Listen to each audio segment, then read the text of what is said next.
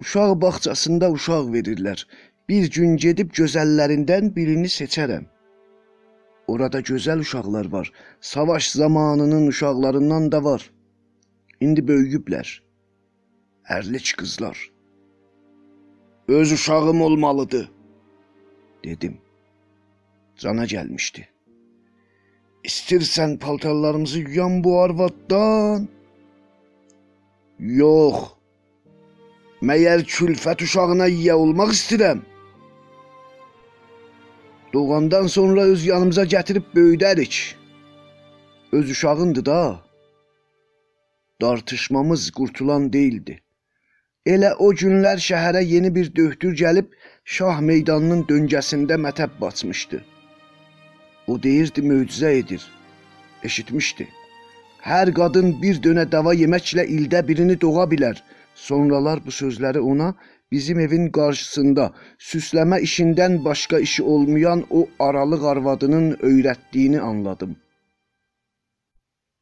Apardım. Aparmasaydım kaşşı. Beləsinə uşaq fikri beynimə düşməsəydi kaşşı. Bahana da etməzdim, ancaq o yekəlikdə həyat boş idi.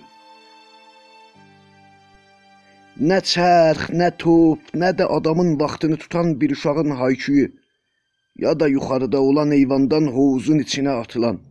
Mən də onu şallaqlayam. Yox.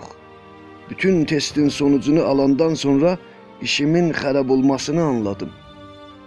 Ancaq başımda bir uşağın eşqi var idi. Çığıran, saçlarımı yolan, belimdən, başımdan yuxarı qalxan birisi. Qonşunun pəncərə camını sındıra. Hər gün başıma yeni bir iş aça. Uca danışmağını hiss etdi. Başqa bir siqar alışdırdı. İsti küllərin üstündən başmaqlarını götürüb geydi. Ayağa qalxdı. Şalvarının torpağını silkələdi. Sönmüş odu təpiklədi. Sonra qapı önündə dayandı. Hər nə var idi qarıdı. Ha belə bulud dolu bir göy. Daha bu şəhərdən ürəyi bulanırdı.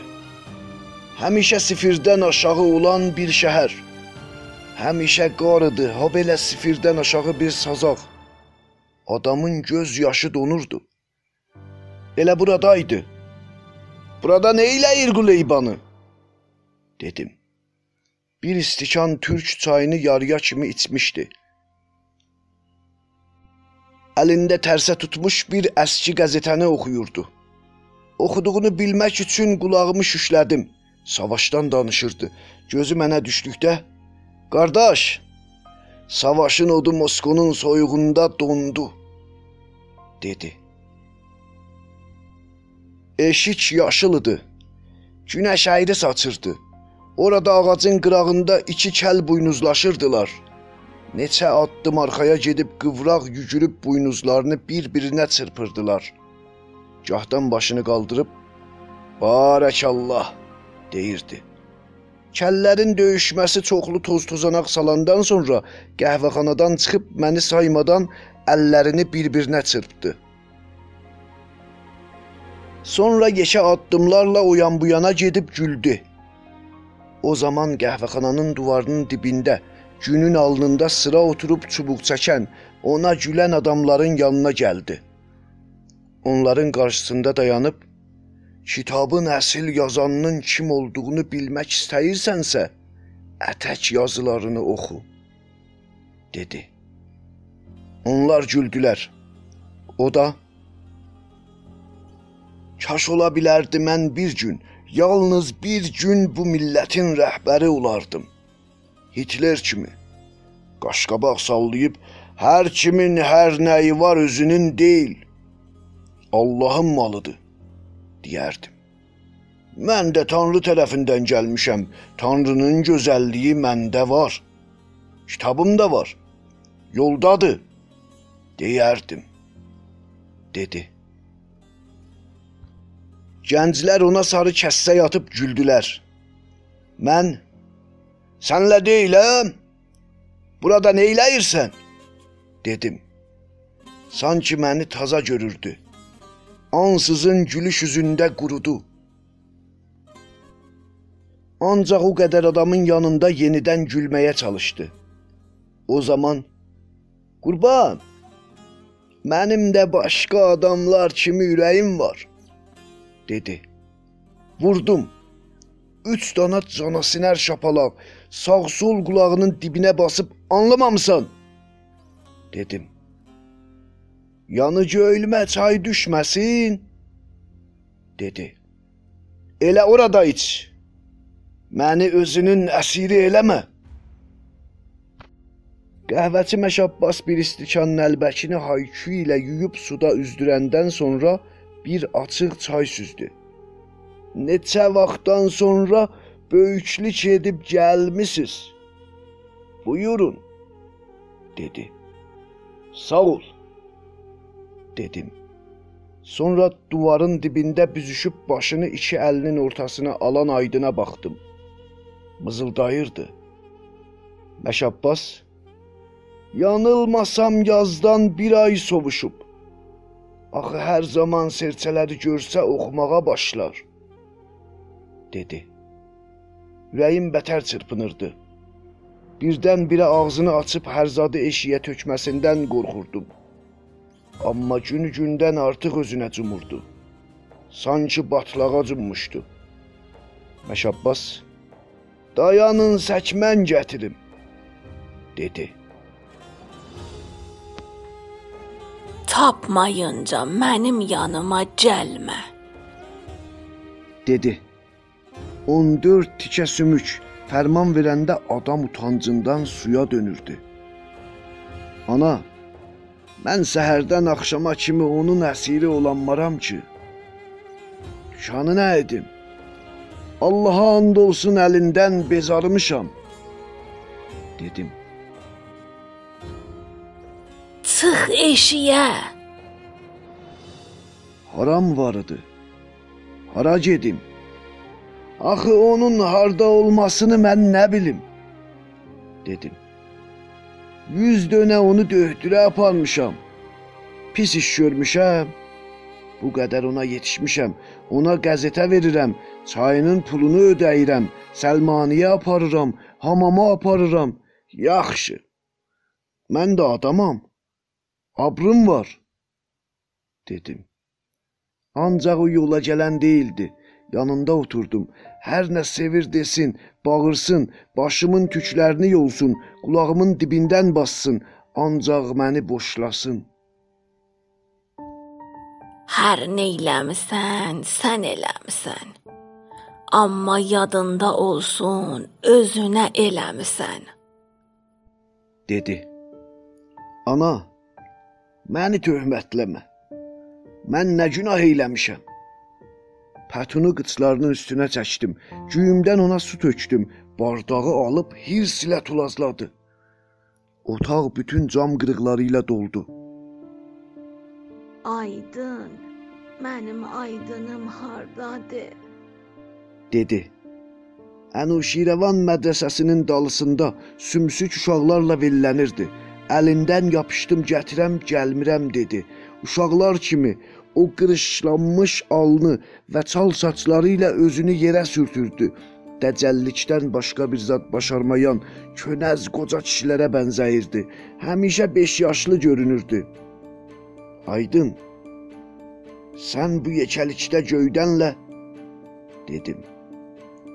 Üzünü üzümə dik tutub məyər nə olub dedi. Bastım qulağının dibindən. Quleybanı, səni adam elərəm, dedim. A dadaş, demə, başım çatlayır, dedi. Mən bir zat demədim, ana deyib gələsən, dedim. Ana deyib bir an şübhələndi. O zaman dönərgəsinə boyun əyib vellənən uşaqları unutdu. Yekə addımlarla mənlə gəldi. Uşaqların hayküyünə baş qoşmadı. Kərvansarada tükana gəlməlisən.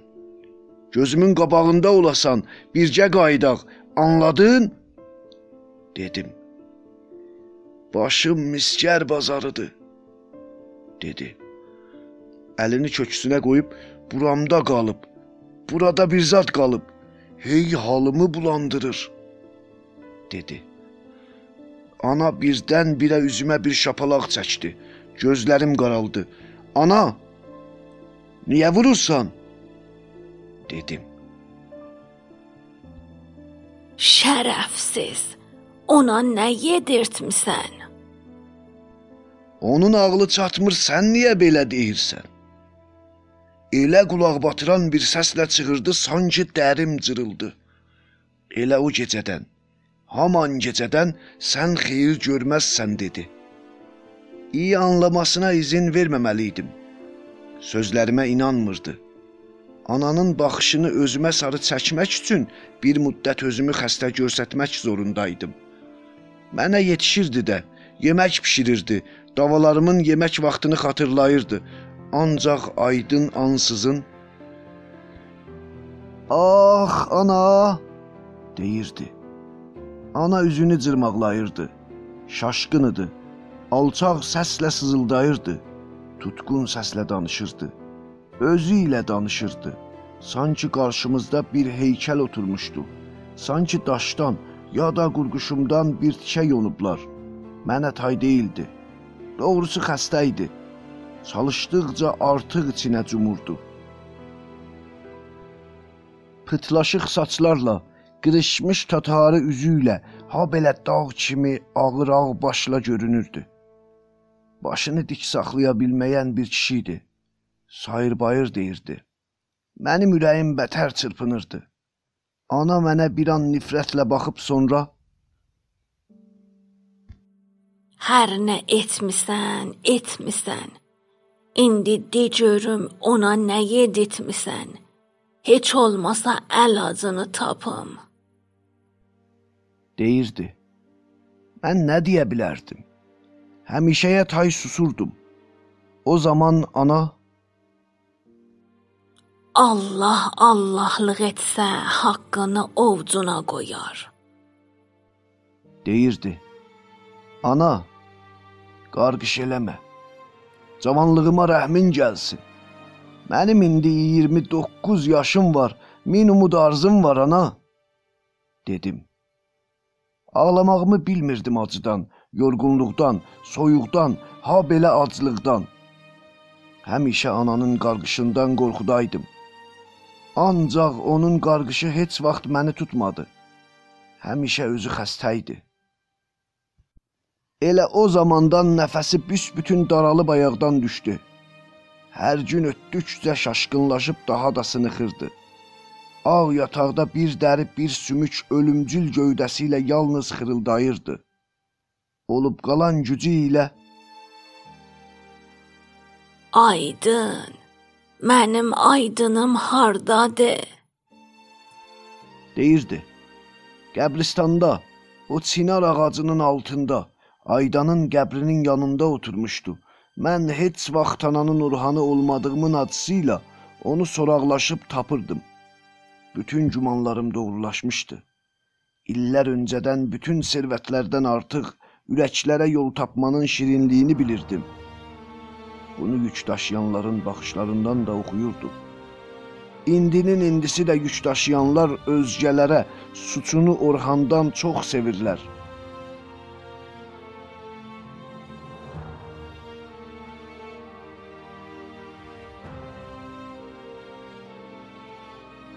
Ölülər Senfoniyası 1-ci çap. Yazar Abbas Mərufi. Çevirən Əhəd Fərəhməndi. Düzənləyən Əli Salmanzadə. Səsləndirənlər: Ağa Cabir Purbagiri, xanım Elnarə. Hər zamanki kimi bizimlə olun. Bizim axağımızın adresi Dastanca. D A S T A N C A